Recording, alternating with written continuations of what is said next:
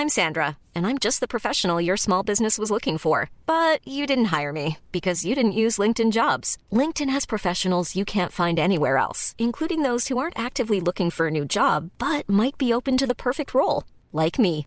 In a given month, over 70% of LinkedIn users don't visit other leading job sites. So if you're not looking on LinkedIn, you'll miss out on great candidates like Sandra. Start hiring professionals like a professional. Post your free job on linkedin.com/people today. When people are happy with risk and embrace risk, then by definition, uh, prices go high.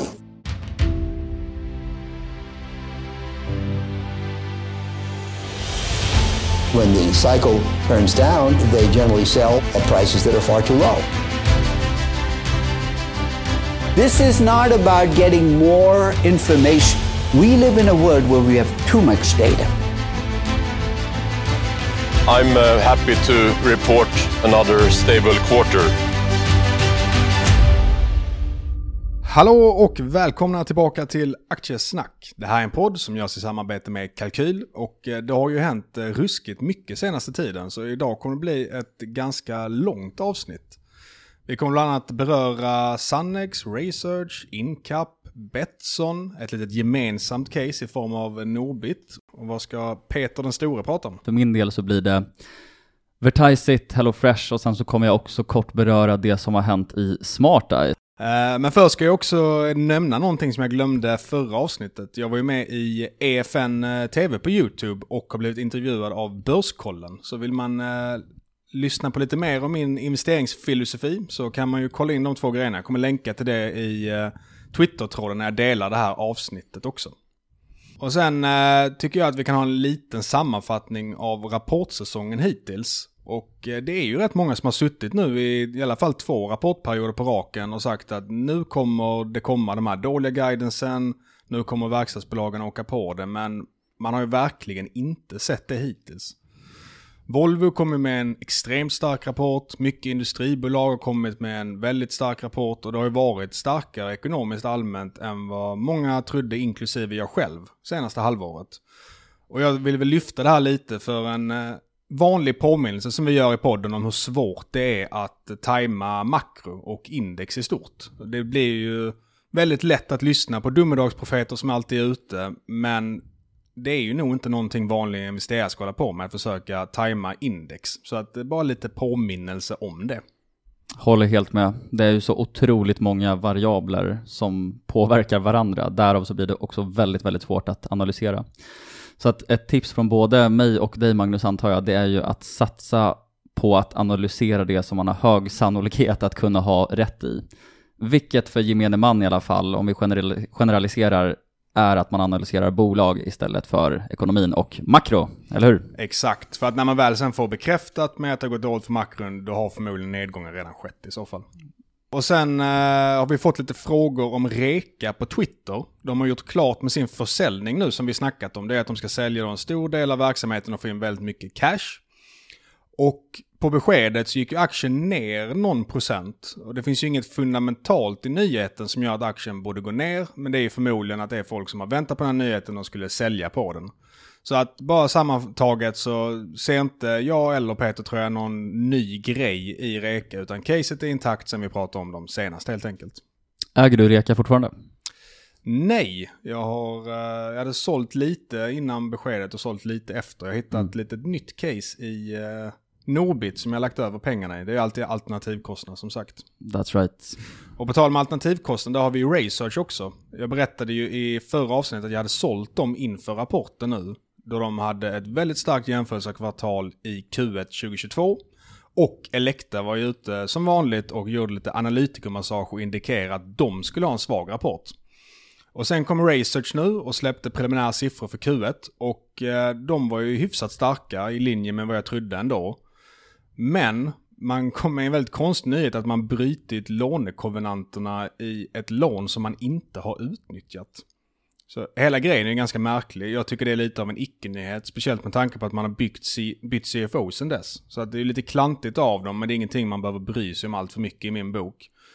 Sen så däremot med de här siffrorna då var att de hade lite svag eh, orderingång under Q1.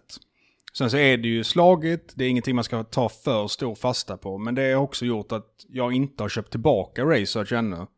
Men eh, det är stor möjlighet att det kommer att ske någon gång senare under året, men inte i nuläget i alla fall.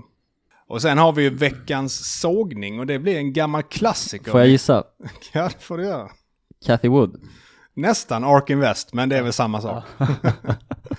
ja, ni har väl säkert saknat det, det var flera månader sedan jag såg dem sist. Men man kan ju inte låta bli när de går ut och säger för idiotiska saker att ta upp dem i podden. Och de var ju ute med ännu en sinnessjuk analys av eh, Tesla nyligen, där de satte 900% uppsida i sitt bear case från dagens kurs. Och bland annat så uppskattar ju ARK till 100% sannolikhet i sin modell att Tesla kommer att börja sälja robottaxis senast 2027. Och det finns väl i princip ingen i världen som tror att vi kommer ha fullt självkörande bilar i städer innan 2027. Bland annat McKinsey ser det som sitt base case att det så smått börjar komma lite innan 2035. Så att du har 100% sannolikhet att det skulle vara innan 2027 är ju bara extremt jävla oseriöst. Och som du har sagt innan, alltså det är faktiskt rätt tragiskt att Cathy Wood är typ den mest kända kvinnan på börsen. Och sen så gör hon så vrickade saker hela tiden och får liksom så mycket skit hela tiden av uppenbart liksom rätt anledningar och liksom mycket rational i att faktiskt såga henne. Men det är ju lite synd faktiskt att det blir så mycket skit på, på en så känd kvinna tycker jag också. Jag håller med, speciellt nu när man väntar en dotter i juli. Måste varna henne vid bebisåldern för Cathy Wood som inte går på det alla under Hon får inte vara för HC helt enkelt. Exakt. Eh, Men jag tyckte också ett annat bra exempel på hur konstig den analysen är, det är att man räknar med bruttomarginal på 23% i bear-caset för bildelen, medan bruttomarginalen i senaste kvartalet var 19%. Och Tesla är ju liksom inte ett förhoppningsbolag, de har sålt bilar i många år, och att man då har en bruttomarginal i sitt bear-case som är betydligt högre än vad de har idag.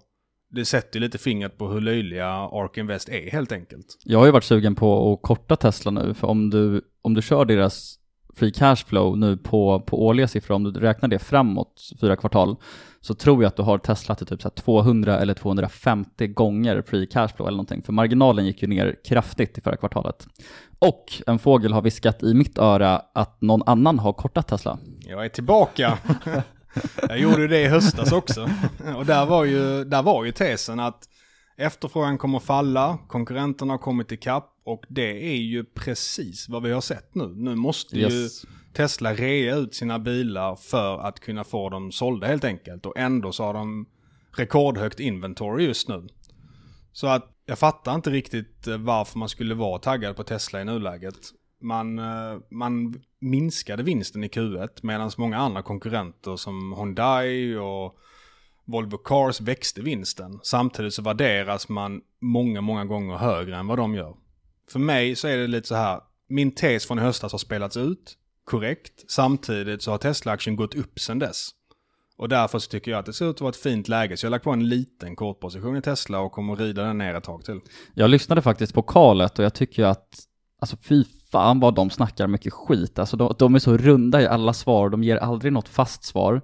Alltså det är bara sådana här saker som att full self-driving kommer bli liksom världens största value increase ever när det slår liksom. Men det är så här, det är aldrig något handfast. Så att det är bara så här runda saker hela tiden som egentligen inte säger någonting. Så att alltså, jag är helt övertygad om att Tesla är en bra, bra kortposition härifrån i alla fall. Ja, de gillar mer buzzwords än eh, konkreta grejer om man Precis, säger så. och men det har de gjort ganska länge också, men jag tyckte det var nästan än mer extremt i det här kalet faktiskt. Ja, men jag kan tänka mig det. Det blev väl lite det, ju, mer, ju sämre det går, ju mer desperata blir de att säga sådana grejer. Ja, precis så. Och sen eh, får vi faktiskt en hedersfylld eh, andra plats den här veckan och det blir SBBs Ilja Batljan. För han gör ju nyemission i sin D-aktie SBB samtidigt som de då har en hög utdelning. Ja, det Och, är eh, farligt att säga det där högt, Magnus. jag kommer få på mig en del eh, klagomål nu. Men det finns ju absolut ingen rational genom att betala för att göra nyemission samtidigt som man delar ut pengar. Det hade ju varit mycket rimligare att dra in utdelningen och strunta i nyemissionen. Men anledning till att Ilja gör det här, det är ju ett ganska välkänt rykte, det är att han behöver göra det här för att ekonomin i hans privata bolag ska gå ihop så att han kan betala av på sina skulder. Red flag. Verkligen, så att jag tycker att hela grejen börjar mer och mer tycker jag bli nu att han utnyttjar ju småsparare som finansiärer för att kunna då behålla utdelningen så att hans privata ekonomi ska gå ihop. Och tyvärr har han ju lurat med hundratusentals småsparare på det här tåget. Och bara för att hålla ryggen lite fri här, det här, det här är någonting som du tror va? Och ett rykte? Exakt, det här är ett rykte. Mm. Det är ju inte ens jag som har, eh, ja, det får jag ju verkligen trycka på att det är ett rykte. Men samtidigt, Mm. det finns ju inte så mycket annan logik bakom att ha en extremt hög direktavkastning som man inte har råd med. Det är ju Nej, väldigt nej, nej. konstigt gjort. Ja, jag håller med.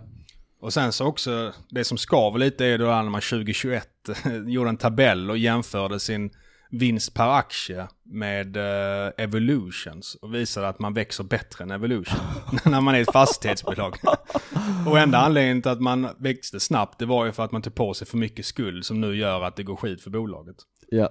Så att, eh, nej, det blir eh, tummen ner på det. Och sen ska det också vara värt att notera att emissionen är ju på 16 kronor samtidigt som kursen står i 15,50 för D-aktien idag.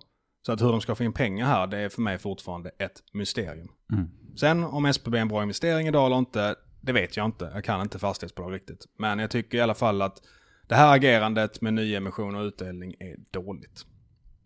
Sen har vi eh, Zannex också, det här polska solenergibolaget som jag tog upp för några avsnitt sedan. De kom 19 april med nyheten att de vunnit något pris i Polen som årets företag. Och efter det så gick aktien bananas och steg 50% på en vecka under extremt hög volym. Och jag fattar inte riktigt varför den har gått upp. Min bästa gissning är att det samtidigt förmodligen kom någon analys från någon större aktör eller liknande som jag inte har lyckats hitta. Och det blir lite svårt att söka när det är på polska. Men sen 27 april så kom Sannex med en rapport för Q4 2022. Och i Polen så rapporterar man ju ganska sent, så det var alltså Q4s rapport. Och försäljningen var redan känd, den växte med cirka 80% men vinsten växte med 450% och det som var mest imponerande för mig det var bruttomarginalen. Den dubblades från 15 till 30% och bolaget sa att det beror på att de har effektiviserat produktionen helt enkelt. Så den delen var inte känd, så att sammantaget var det en väldigt stark rapport i min bok. Ändå så gick aktien ner 15%. Så att jag har inte överhuvudtaget fattat kursrörelsen i Sannex. Det känns lite onajs. Man vill ju veta liksom om det är någonting man missat eller liknande. Men samtidigt så handlas aktien till 12 ev ebit på 2022 siffror och ungefär 8 2023 på mina estimat. Och sen är ju frågan hur mycket av tillväxten har varit en eh, tillfällig boost nu under energikrisen i Europa. Det är såklart svårt att säga, men man växte ändå 70% i eh, Q1 och man har växt väldigt fint under de senaste 10 åren. Så att jag behåller mina aktier även om det så, såklart känns lite olustigt att inte veta varför aktien rör sig som den gör. Och sen har vi även eh, Betsson som rapporterat. Och de eh, fortsätter ju tuffa på. Aktien är upp över 100% sedan mars förra året. Men ser fortfarande billig ut i min bok. De har ev-ebit 9 på rullande 12 månader. Samtidigt som man växte ebit med 82% under kvartalet och omsättningen med 30%. Sen så är en grej där som är värd att notera det är att både nu och Q3 så kommer med väldigt starka rapporter men aktien öppnade ner några procent. Och eh, lite som min spekulation med Ilja så ska jag göra en ny spekulation här och det är ju att på Malta så är inte de jättekända för att hålla inne med insiderinformation. Så att det är ju mycket möjligt att det är så att någon kanske har hört av någon att det kommer bli en bra rapport och sen köper de upp aktien innan rapporten och sen säljer de på morgonen ut oavsett kursen egentligen. För att sen efter den här nedgången på morgonen, liksom i Q3, så har aktien gått upp sen dess. Så det indikerar att det, all, det åtminstone var någon som rapportspekade och det där är inte en helt omöjligt scenario heller. Sammanfattningsvis, bra rapport. Eh, Betsson har ju en väldigt stor del av vinsten från Turkiet, vilket ökar risken markant. Det är alltid väldigt värt att påminna om när man ser då deras kraftiga tillväxt och värderingen. Det är ju på grund av det här. Men jag tycker ändå att eh, risk-reward ser bra ut i Betsson och det liksom Sannex förblir ett av mina största innehav framöver. Spännande. Definitivt. Och sen har vi också haft eh, Incap som har varit snälla nog att eh, bidra med att ge mig två av mina största dagsnedgångar i procent någonsin på samma vecka. Så det blir både Waystream och Incap. Jag tog ju upp Incap tidigare eh, i år. De har ju växt väldigt fint senaste åren och deras klart största kund står ju för nästan 70% av omsättningen. Och den här kunden sa nu att man helt enkelt har för mycket lager och behöver beta ner det. Och det gör att Incap därför räknar med att omsättningen kommer minska 0-20% under 2023, vilket såklart då är ett brutalt fall från den fina tillväxten man hade 2022. Så aktien föll ungefär 40% på den nyheten, vilket såklart är riktigt brutalt. Men sen så kan man också ta med sig det att det var en ganska brutal nedrevidering av prognosen man gjorde. Det här blir ju lite någonting som tog en på sängen såklart. Och jag tror att det var samma sak för management. För vd köpte så sent som för en månad sedan aktier i bolaget. Och det hade han ju aldrig gjort om han hade vetat om den här nyheten som sen skickade ner aktien 40%. Så eh, sen dess har också Incap rapporterat en vecka efter den här nyheten och man levererade ett fint kvartal, växte vinsten med 65%. Men det spelar ju såklart inte så mycket roll eftersom man har då gått från den här starka tillväxten 2022 till nu minustillväxt 2023. Och då ska man komma ihåg det att den här minustillväxten har man ju då prognostiserat trots att man växte 65% i vinsten första kvartalet. Så att förmodligen så väntar man sig ganska brutalt vinstfall Q2 till Q4. Till de lite mer positiva grejerna så säger Incap att man har en väldigt flexibel kostnadsstruktur. Man har mycket verksamhet i Indien där man har timanställda som man kan då säga upp när man behöver. Så att bolaget verkar ändå konfident att man kan hålla 12-14% ebit-marginal under 2023. Vilket är starkt för en kontraktstillverkare. Och man sa också att det är bara den här grejen med att de har byggt upp för mycket lager som är eh, orsaken. Det är inte så att de har gått till någon ny leverantör eller liknande. Utan man har ett väldigt starkt samarbete som man framöver ser kommer fortsätta hålla. Men om man då räknar med 20% försäljningstapp och 12% marginal, vilket då är lägsta delen av det här intervallet man har gett, så får man ungefär 12-13 i EV-ebit för 2023. Och det är ju inte dyrt, definitivt inte, men en olycka kommer ju sällan ensam och för min del i alla fall så vill jag säga att någonting fundamentalt ändras i aktien för att man liksom ska våga gå tillbaka. För att det kommer att vara väldigt tungt år framöver. Absolut inte några bra triggers. Och då lägger jag hellre med pengarna i någonting som jag tror kommer ha en fundamentalt bra utveckling närmaste året. Det är väl en liten regel du har också, att du vill ju inte äga ett case där du tror att kommande rapport blir kass. Exakt. Har du pratat mycket om tidigare i alla fall. Och ja. det är ju lite oavsett värdering har jag för mig, för, för att det är väldigt svårt att tolka den rapportreaktionen, alltså om du verkligen tror på en dålig rapport, även fast aktien skulle vara billig liksom. Exakt, och det är ju inte någonting som är rätt eller fel egentligen, för att det, det ser man ju ganska ofta att det kommer en dålig rapport men den är lite bättre än vad marknaden tror. Så att egentligen så är ju det det viktiga. Men speciellt sådana här lägen när det är väldigt mycket osäkerhet, bolaget själva låter liksom inte mm. säkra. Då tar jag hellre avstå. Och som jag skrev på Twitter så sålde jag mina aktier när den här nyheten kom. Och eh, jag köper inte tillbaka nu. Men om aktien skulle gå ner till 8-9 euro, nu står man i 11 ungefär. Då skulle jag kliva in även om jag tror att närmaste året kan bli dåligt. Mm. På grund av att då blir det så fundamentalt billigt och så mycket dåligt i inpriset i aktien närmaste året att jag ändå tror att det skulle kunna vara ett bra köp. Så att eh, sammanfattningsvis, det var inte jättebra nyheter av Incap, men det är inte så att eh, caset är dött och jag tror att de kommer ändå fortsätta kunna ha en hyfsat fin eh, tillväxt de kommande åren efter 2023. Och den verksamheten som inte är den här största kunden, de växte ju 24% under 2022. Så att även om det är en extremt stor del av företaget så är det inte allt. Och med alltid tid eh, när det kommer då grejer som går emot den så försöker jag dra lärdomar av det. Och om vi då kollar på Waystream Incap så eh, det är alltid svårt att säga i förhand hur det kommer gå. Det är väldigt lätt när man sitter med facit och det kan ju ofta vara så att det kommer dåliga nyheter som man inte hade en aning om och det betyder inte att man har gjort någonting fel i sin investeringsprocess utan det kan bara vara att det kommer dåliga nyheter helt enkelt. Och det jag tar med mig egentligen från Waystream och Incap, det är väl att båda var ju ute och småguida lite i sin Q4-rapport för att det kunde bli sämre under året. Och det som jag lyfte då, Incap, har haft ganska försiktig guidning eh, historiskt. Så man kan inte dra allt för stora växlar av det. Men Incap och Waystream hade gått extremt bra året innan. Och då var det ju inprisat väldigt mycket att det skulle fortsätta gå bra.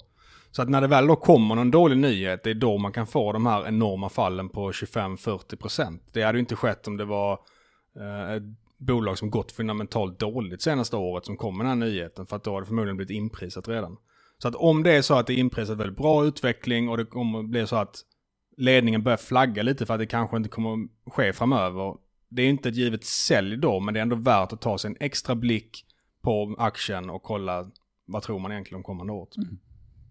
Så eh, med det tänkte jag att vi ska gå in på eh, Norbit, ett gemensamt bolag igen, eller hur Peter? Yes sir. Jag säger Norbit. ja, jag har faktiskt ingen aning om vad det heter no egentligen. Norbit. Skånskan här. Men eh, det består i alla fall av tre delar. Det är en kontraktstillverkare, en del som med hjälp av radar undersöker havsbotten för att exempelvis anlägga vindkraftparker och oljeriggar och liknande. Och sen så är en del som tillverkar sensorer som kan läsas av automatiskt av vägtullar och liknande för lastbilar. Och jag räknar med att alla tre delarna kommer ha strukturell tillväxt närmaste åren. Man guidar för att helåret 2023 och på de estimaten så kommer man hamna på runt 12 gånger vinsten. Trots att EV-EBIT är runt 20 idag. Så att man räknar med väldigt fin vinsttillväxt och market cap är på ungefär 2,5 miljarder. Och vi kan tillägga att det här är ju verkligen ett kvalitetsbolag. Alltså Kagger-omsättningen sedan 2010 har varit 31% och Kagger för omsättningen sedan 2017 har varit 27% och man har också varit lönsamma på ebitda-nivå alla år sedan 2010 med ganska god marginal också. Exakt. Nej, verkligen. Så det är ingen sån tillfällig bump upp, utan det här är ett kvalitetsbolag som har presterat under lång tid. Precis, och eh, vi tror också att det finns lite kortsiktiga triggers här. Vill du köra dem eller? Ja, nej men bolaget har ju guidat redan för H1. Det är någonting som nordiska bolag utanför Sverige brukar vara lite bättre på tycker jag. Och det handlar då om eh, hur de guidar. Och där räknar man med en brutal tillväxt i den här connectivity-delen, alltså den här lastbilsdelen under H1. Och eh, lastbilsdel kanske inte låter så sexigt egentligen, men man är inte helt beroende av lastbilskonjunkturen säger bolaget, utan det är snarare att på grund av lagkrav och liknande så behöver lastbilar som är befintliga på marknaden köpa till de här sensorerna för att kunna bli avlästa i vägtullar och liknande. Och nu har EU nyligen kommit med ett nytt lagkrav, sänker gränsen från 3,5 till 2,5 ton om jag inte minns fel. Så detta är ju någonting som även om det är lastbilsbranschen som egentligen är cyklisk så är det någonting som har väldigt fina bruttomarginaler på 65% och som har en strukturell tillväxt. Och där det även har kommit väldigt fina order under året. Nu i eh, månadsskiftet mars-april så kom det en order på 270 miljoner. Vilket nästan är lika mycket som hela segmentet omsatte förra året. Mm. Och sen så tror vi väl båda då att långsiktig guidance ligger förmodligen för lågt i Norbit. För de, de satte i Q2 2021 ett långsiktigt mål om 1,5 miljarder då i omsättning för 2024. Och det målet har man inte ändrat sedan dess. Och sen satte man ett nytt mål då i Q4 2022 och det var 1,4 miljarder i omsättning för 2023. Så nu kanske det blir lite rörigt här. Men vi är väl ganska eniga om att vi tror ju att bolaget kommer slå Eh, det här 2023-målet helt enkelt och vi tror också då att det här 2024-målet ligger alldeles för lågt. Ja, en stor del, del, del där är ju på grund av den här lastbilsdelen helt enkelt. Och man guidar då för betydligt lägre 2024. Men det är ju baserat på gamla siffror som bolaget kom med. Och sen dess har bland annat den här ordern på 270 miljoner kommit. Så det gör att vi tror att åtminstone den delen kommer att slå guidance och sen om de övriga delarna levererar i linje med guidance så borde det sammantaget bli bättre. Precis, och sen så har vi väldigt fin strukturell tillväxt i Oceans också, som faktiskt är det absolut mest spännande segmentet tycker jag i alla fall, givet marginalstrukturen. Ja, men jag håller med, och där har vi ju havsbaserad vindkraft som verkligen har en riktig boom just nu och förmodligen kommer ha det under årtionden framöver. För det är ju så att ja, jag följde ju vindkraftsbolag tidigare och man såg det att det är väldigt svårt att bygga det här på land. Ingen vill ha vindkraftverk som granne egentligen. Det kan låta, det är fult och så vidare. Men det kan man ju lösa då genom att sätta dem ute till havs. För då stör det ingen egentligen. Det är lite att militären kan klaga på det ibland. Men det är betydligt lättare att sätta upp en riktigt stor vindkraftspark till havs. Och därför så borde det här segmentet ha väldigt fin tillväxt framöver. Och då med den här 65-procentiga bruttomarginalen man har så borde man få riktigt fin operationell hävstång på det här och borde kunna få väldigt fina marginaler också. Precis, och förutom vindkraft till havs så rider ju det här segmentet Oceans då på egentligen all infrastruktur kan man säga som finns till havs, alltså övervakning av kritisk infrastruktur på havet. Och det har vi ju också sett lite nyheter om som vi tolkar som positivt för Norbit i och med Nord Stream till exempel. Att det kommer bli viktigare för länder, i, i synnerhet nu också givet kriget, att världen är ganska orolig, att man faktiskt vill övervaka kritisk infrastruktur på havet.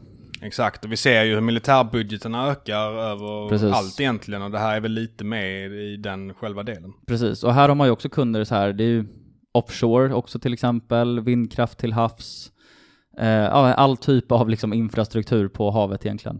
Definitivt. Och sen sista delen är ju kontraktstillverkningen då och eh, där har vi ju en strukturell tillväxt. Det ser vi ju på alla förutom bolaget jag ägde i Incap och det växer väldigt fint i den sektorn. Sen är det ju en risk som jag ser det med eh, Norbit och det är att 70% av intäkterna kopplade till kontraktstillverkning kommer från fordonsindustrin. Så det är ju någonting som är cykliskt och skulle då kunna gå ner i en lågkonjunktur. Men det här är också det segmentet som bidrar minst till vinsten. Så att eh, det är ju lite frågetecken för resten av året också kanske. Men som sagt, de två andra segmenten har bättre bruttomarginal, bidrar mer med vinsten och är större. Sen en till grej som jag tycker kan vara värd att nämna, det är lite det vi pratat om aktiveringar tidigare. Det här är ett bolag som aktiverar mycket, man har väldigt mycket R&D och man gör det uppenbarligen väldigt bra. Som vi pratade om med historiken och marginalerna har ökat senaste året och så vidare.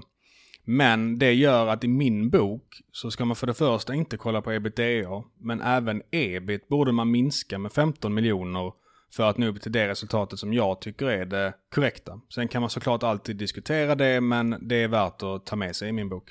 Och eh, ägarlista? Den är väldigt fin. Uh, Insiderägandet uppgår till över 20% och eh, dessutom så har det varit insideköp förra året. Och det, det är ju ett bolag med ägare och ledning som har väldigt lång historik. Så det känns verkligen som att de är med i samma båt som investerarna tycker jag när man kollar på hur de pratar och så vidare. Precis, och något som jag noterade här också, jag fick insiderägandet till ungefär 25% och fem av sex i ledningen äger ganska duktigt med aktier och även fem av sex i styrelsen. Så att det är ju ganska spritt på alla och alla verkar vara ganska incentiverade således. Och vi har också vdn då som är största ägare och han har ju varit med på bolaget sedan, jag tror det är typ så här 2001 eller 2002 eller någonting sånt där. Eh, Så det tycker jag också är en fjäder i hatten för det här caset. Nej men exakt, det är en sån grej som är värd att kolla på när man kollar historik. Om hela bolagsledningen byttes ut förra året, då säger ju inte historiken lika mycket som den hade sagt om hela bolagsledningen har varit där i tio år och det är en tioårshistorik man kollar på. Så det är någonting som är värt att ta med sig när man kollar på bolag. Precis, och för att också eh, ge ännu mitt, lite mer beröm till just ledning och ägarbild, det är också att bolaget har ju varit väldigt duktiga på att hitta så här små, snabbväxande nischer där man lanserar alltså väldigt nischade produkter och har gjort det väldigt framgångsrikt. Så en konkurrensfördel här skulle ju också kunna anses vara innovation skulle jag säga. Det vill säga att man, man faktiskt tar, tar fram produkter som typ inte har funnits tidigare, så har jag tolkat det i alla fall. Ja, nej men jag, jag håller med om det, definitivt. Och i och med det så växer ju man typ sin egen adresserbara marknad, alltså via nya produktsläpp till typ så här befintlig kundbas också. Ja, men så eh, sammanfattningsvis, eh, vi har Automative som eh, är lite då, mindre fina intäkter. Men sammantaget så har vi ett bolag med väldigt fin historik, väldigt fint management, långsiktigt ägande, bra insiderägande, man har bra bruttomarginaler i de här två delarna som vi ser kommer bidra med vinsten väldigt mycket framöver. Och man har fått väldigt fina ordrar under det här året. Så att eh, det är caset i Norbit och det är ju ett eh, signifikant innehav nu för både mig och Peter. Yes. Sen vill jag faktiskt också ge det här bolaget lite extra beröm för transparens och kommunikation. Alltså deras redovisning och rapportering är ju otroligt fin. Alltså de rapporterar ju alla segment och lönsamhet och separata resultaträkningar för alla segment. Man guidar också på kvartalsbasis och man har längre guidance och så vidare. Så jag tycker i alla fall att det här var ju det var ju faktiskt en fröjd att eh, ta upp en Norbit-rapport och titta på den första gången. Ja men verkligen, det är väl, man får nedsidan av att det är Norge. Det, det brukar alltid vara lite rabatt där, men man får uppsidan av att det är extremt tydligt och man får bra information. Så att man kan känna sig lite tryggare när man analyserar bolaget tycker jag, än om det är ett svenskt bolag som inte ger alls lika mycket information. Precis, och i och med att man också ser så tydligt alla olika segment så kan man ju också göra en sum of the parts värdering här. Det är jag väl egentligen inget så här superfan av, men att bara värdera Oceans separat är ju ganska intressant, för det skulle ju i min bok faktiskt kunna bära typ hela börsvärdet själv just nu. Ja, men det, det tycker jag känns som ett rimligt antagande faktiskt. Mm. Snyggt, men det var Nordbit. Nu eh, är det dags för eh, Peter att prata lite Hello Fresh igen antar jag. Yes, ja men vi kan börja med HelloFresh av de här bolagen. Jag har ju haft eh, tre portföljbolag där det har hänt ganska mycket nu. I HelloFresh fall så har det väl inte hänt jättemycket dock. Rapporten kom in ungefär som jag förväntade mig. Och det jag vill säga då, det är att det här är ju då sista kvartalet med ganska tuffa comparables. Och på något sätt tycker jag också att man visar ju att man kan vara lönsam, alltså på deras då operationella kassaflöde, även fast allt ser som värst ut nu. Och då menar jag både makromässigt och tuffa jämförelsekvartal. Och tillväxt borde kunna komma tillbaka under H2 och man bör också samtidigt kunna öka marginalen. Det är lite det som är mitt case här. Och sen så på Twitter var det några som ifrågasatte så här att, ja men, sist, sist jag pratade om HelloFresh och när jag drog caset lite mer grundligt så var jag ganska kritisk mot konkurrensen och att i min tes då så tror jag att konkurrensen minskar härifrån och att det också kommer gynna HelloFresh till exempel. Så då tänkte jag bara nämna några saker som har hänt här också. Till exempel då Marley Spoon som är en av HelloFresh närmsta konkurrenter. De har gjort en merge nu och tar in nytt kapital trots att man också gjorde en emission under Q4. Och så ska det också bli intressant när LMK rapporterar på onsdag den här veckan och jag gissar att även LMK kommer få göra en emission. Och sen så Freshly la ju faktiskt ner sin verksamhet i januari 2023 och det var ju typ närmsta konkurrenten inom ready to eat-segmentet i USA. Och vad som är intressant här det är ju att Nestlé förvärvade ju Freshly 2020 och sen så stack ju grundarna efter ett år och det var gissningsvis då efter att deras lockup gick ut. Och så nu då i januari 2023 så meddelade alltså Nestlé att man lägger ner Freshly.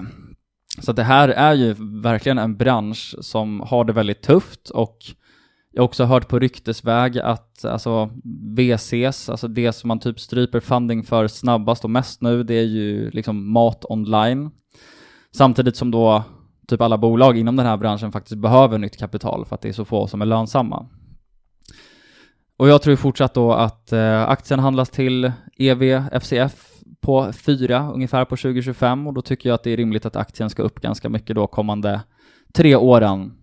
Sen kan jag också tillägga att jag gillar att bear-caset är ju så jäkla uppenbart här. Alltså vi har haft tillväxtorienterade investerare då som har spytt ut aktier de senaste månaderna eller senaste halvåret egentligen. Och sen så har vi också short interest som är skyhögt i Tyskland. Det har ju varit en av de mest blankade aktierna och nu har vi 10% tror jag av aktierna som är blankade.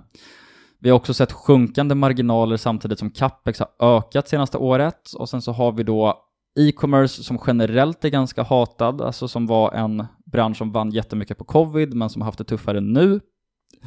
Och sen så har vi då framförallt Mealkit som är väldigt, väldigt hatat.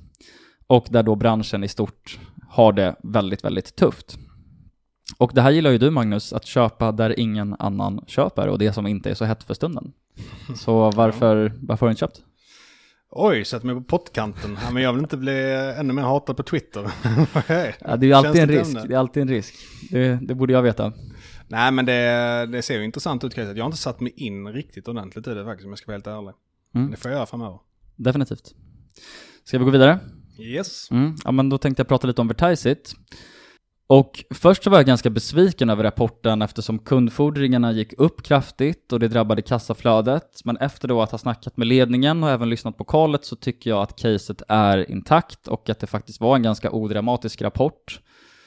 Och några saker som är värda att nämna då, det är att jag tolkar det i alla fall som att ITS är nära att säljas, för det var ju första gången nu som de kommunicerade potentiellt pris i rapporten. Vad är ITS för del? ITS är en del som man fick med sig när man förvärvade MultiQ, som är en, en del som, som troligtvis har väldigt låg marginal och det, det är ganska mycket så här hårdvara kopplat till det också har jag tolkat det som. Och det har man sagt från start att det ska avvecklas, alltså sen man köpte MultiQ som är då det, det förra förvärvet då. Och då ska alltså 14 anställda bort och man tror att man kommer få in 10-20 miljoner för den här verksamheten då och jag hade väl egentligen trott att det var lite högre än så för att man har 16 miljoner i ARR då på den här businessen. Och det här innebär ju också såklart att kostnaderna går ner och skulden kommer också gå ner och det här ger också effekt på cashflow. Men det viktigaste här det är ju dock att försäljningen av ITS, det är ju det absolut sista som då är kvar för att betrakta MultiQ som fullt integrerat och klart. Och att då Vertiset i och med nästa kvartal troligtvis kommer kunna exekvera fullt ut då på sin nya plattformsstrategi och även då börja realisera synergier och då menar jag framförallt då kostnadssynergier här. Och den här nya plattformsintegrationen som har varit ganska dyr, den kommer ju också göra det lättare för Vertiseit att integrera förvärv effektivt framöver. Så att jag har tolkat det som att kundbasförvärv, alltså den typen av förvärv som man har gjort mycket historiskt, den ska vi i princip nu kunna onboardas omgående och även då direkt börja benchmarkas också mot befintliga bolag i koncernen, alltså sådana typer av förvärv. Och det är också genom de här övergripande SAS-kopiorna då som täcks över hela koncernen nu. Så min tolkning i alla fall, det är att alla de här kostnaderna som har tagits, det är ju i linje med deras strategi om att bli platform first och störst inom nischen då digital signage. Och att man då planerar att fortsätta förvärva ARR och slänga över ARR på de egna plattformarna. Och det jag tycker man framför allt behöver förstå och tro på i Vertisit, det är att bolagets då transformation från Vertisit helhetsleverantör i Norden till Vertisit Group då som är liksom en global konsult och SAS-spelare och alltså en global plattformsleverantör. Och nästa kvartal, det är också första kvartalet där man liksom kan se vad cash conversion kan tänkas bli framåt. Det har ju varit ganska knepigt nu för det har ju hänt väldigt mycket liksom med stora förvärv och även då den här plattformsintegrationen då över hela koncernen och så vidare. Men jag tror i alla fall att kassaflödet kommer ligga ganska nära ebitda härifrån, det vill säga att cash conversion kommer vara ganska bra och det här är också Jonas som är CFO på Vertiseit sagt. Men det är såklart ganska svårt att estimera idag då. Och det, det jag tycker är viktigt är att man borde kolla på att ARR skalar fint mot personalkostnader och OPEX och det gjorde det faktiskt i det här kvartalet. För personalkostnaderna de var ner och antalet anställda sjönk samtidigt då som ARR växte med 4,7% sekventiellt. Och lägger man då 4,7% sekventiell ARR-tillväxt som är ungefär då genomsnittet senaste tre åren att Systems inte växer härifrån och att Consulting växer ungefär i linje med SAS och att personalkostnaderna inte ökar i samma hastighet. Jag tror att personalkostnaderna skulle kunna ligga på 37-38 miljoner i Q4 2024 ungefär. Och det är en ökning på typ 5 miljoner från vad man hade nu i Q1 2023. Och med den här skissen då så får jag fram ungefär 400 miljoner i omsättning och 25% ebitda. Och då kan du gissa ungefär vad det blir i absoluta tal. Uh, så bra huvudräkning har jag inte. Nej, 100 miljoner. Ja, så jag estimerar att vi har då ungefär sex gånger ebitda med ganska bra cash conversion på 2024 just nu och det tycker jag är för billigt.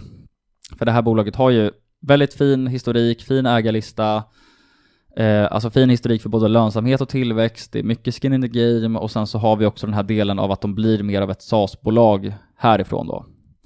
Och sen kan man ju hoppas på att det kommer lite likviditet till den här aktien till slut. Den, den här aktien skulle ju faktiskt behöva dig som köpare, Magnus.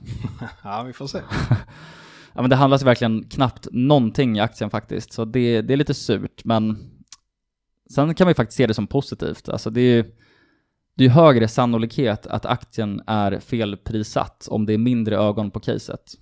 Ja men så är det ju, speciellt om man är lite långsiktig så ska man komma ihåg det att nu går ju många småbolag fruktansvärt dåligt och det är extremt låg likviditet. Men det är ju efter de perioderna såklart som de här största uppgångarna följer. Det är ju inte, det är inte på toppen man ska investera i småbolag. Precis, och även börsvärde i Vertisit, alltså både börsvärde och likviditet gör ju att det är inga fonder som kan komma in, alltså om inte typ det sker liksom blocktransaktioner eller emission. Alltså det är enda, enda sättet för en fond att komma in. Ja. Och det som jag trodde skulle hända i det här kvartalet, det har ju typ blivit framskjutet ett kvartal kan man säga på grund av den här då fördröjningen med ERP-integrationen som skedde då i det här kvartalet. Så jag vill också säga det att nästa kvartal kommer bli väldigt viktigt för mig vad gäller Vertisit och jag känner mig trygg vad gäller omsättningen, alltså ARR tickar ju på som en klocka typ och känns väldigt förutsägbar. Men jag vill se att det skalar fint mot personalkostnader och OPEX. Och om det inte gör det så kommer jag tvivla på caset och skalbarheten. Och sen vill jag också såklart se att kundfordringarna går ner till normala nivåer och gärna då att eh, lagret sjunker. Och det har management också sagt att det ska göra och det kommer såklart ge effekt på kassaflödet. Och sen vill jag såklart också att ITS säljs. Så att det är det här då som jag Håll ögonen på framöver. Och sen vill jag också tillägga att jag känner mig inte helt bekväm i att management verkar hungriga på fler förvärv, för nu är skuldsättningen ganska hög och kassan är inte superstor. Man har en nettoskuld nu på typ 150 miljoner och en kassa på 40 miljoner och jag är naturligt lite skeptisk till M&A. Men i Vertisits fall så har man ju faktiskt gjort det här framgångsrikt historiskt i alla fall och det är ju såklart en trygghet. Så jag ser framtida M&A som en option på både risk men också möjlighet men mer tiltat åt uppsidan faktiskt. Men just nu tycker jag i alla fall jag att balansräkningen är lite för ansträngd och jag ser också helst att man inte trycker nya aktier på de här nivåerna. Nej, för det är väl förmodligen det man hade behövt göra om man ska göra ett förvärv i nuläget. Definitivt, skulle jag säga. Eh, så ja, det är jag lite orolig för. För att som sagt, management känns hungriga på förvärv och jag, jag tycker inte det är riktigt i läge nu faktiskt. Och sen tänkte jag också bara kort avsluta med SmartEye. Har du följt det här Magnus? Ja, men eh, det har jag väl gjort. Det är svårt att undvika. Har du någon take eller? Alltså det ser ju inte optiskt bra ut när CFO avgår, ny CFO kommer in och sen så avgår nya CFO. Sen så, eh, jag är ju alldeles för långt ifrån för att veta var, varför det har skett, men det ser inte optiskt bra ut. Att förra CFOn avgick, det tycker jag egentligen man helt kan skriva av, för han köpte ju faktiskt i emissionen. Det Alltså, är väldigt sant. Det är en stor eh, styrkepunkt. Precis, så den, den tycker jag inte riktigt hänger med på, på det som har skett nu. Alltså det blir att stretcha det lite för mycket tycker jag. Men att den här nya CFOn avgick, det ser jag som negativt. Och sen så har ju också en ny konkurrent dykt upp som lyckades vinna en design win och det är ju Tobii. Och jag tycker att man kan sammanfatta det så här, alltså att CFOn avgår, det tycker jag är de värre av de här nyheterna. Och enligt Martin Strand då som är VD så klickade de inte och det kan ju faktiskt låta larvigt, men ibland så blir det ju fel med rekryteringar. Och det som är chockerande för mig, det är att det gick så förbannat snabbt här. Alltså Martin Bjuve var ju inte en CFO på Smarta i ett halvår. Och han har ju faktiskt också ett bra CV sedan tidigare. Så det känns ju faktiskt jättekonstigt att han fick gå på dagen. Och exakt det som inträffade här, det kommer vi såklart aldrig få veta. Men orsaken till det här, det kan ju liksom vara vad som helst. Det kan ha hänt någonting privat mellan Martin och Bjuve, eller att Bjuve blev för stökig på en personalfest. Eller så liksom klickade de helt enkelt inte. Men det är ju såklart lite Kalle Anka över att man genomför en ganska dyr CFO-rekrytering och sen så får han gå fem månader senare. Så att alltså självklart har det här negativt signalvärde och aktien var ju också ner på det här och det tycker jag är rättvist. Och sen kan det ju också vara det när det är CFO avgår att de inte känner att de kan stå bakom siffrorna i prognoser och liknande. Men sen så, det är ju bara en möjlig anledning. Det är absolut inte så att det är Mm, så. mm, precis. Alltså risken har ju ökat i smarta i, alltså nu eftersom att CFOn avgick och sen så är också Tobii med och krigar om design wins. Men vrider man på det här så är det ju också jäkligt skönt för att det är så glasklart varför aktien är så billig. Alltså det har ju varit en pågående shitshow länge nu med svårtolkade nyheter och det vet vi att marknaden i regel hatar och även ofta överreagerar på. Och ingen av de här nyheterna har i alla fall hittills enligt mig förändrat grundcaset. Så att tror man på minst 40% market share och 50 euro i ASP, alltså average selling price då per licens eller per bil år 2026 så är det här billigt och det tycker jag det är det man borde fokusera på. Ja, nej men det, det håller jag med om. Så ja, jag, jag håller ögonen på det här och tycker att det, det, liksom, det skaver lite. Dagen när man fick reda på att Sifon avgick så hade man ju lite panik faktiskt. Men eh, än så länge så är jag kvar. Snyggt. Ja, men så med det så sammanfattar vi eh, dagens avsnitt. Det har varit en total kavalkad av bolagen vi brukar prata om som kommit med nyheter. Eh, kan inte sammanfatta alla.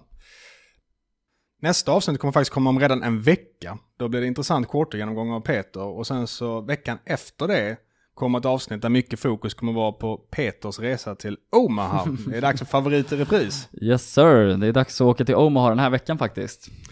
Så med det så kan jag äntligen igen säga vi hörs igen nästa vecka. och eh, sen veckan efter det också. Så ha det fint allihopa, så hörs vi. Ha det gott, ciao ciao! Ciao!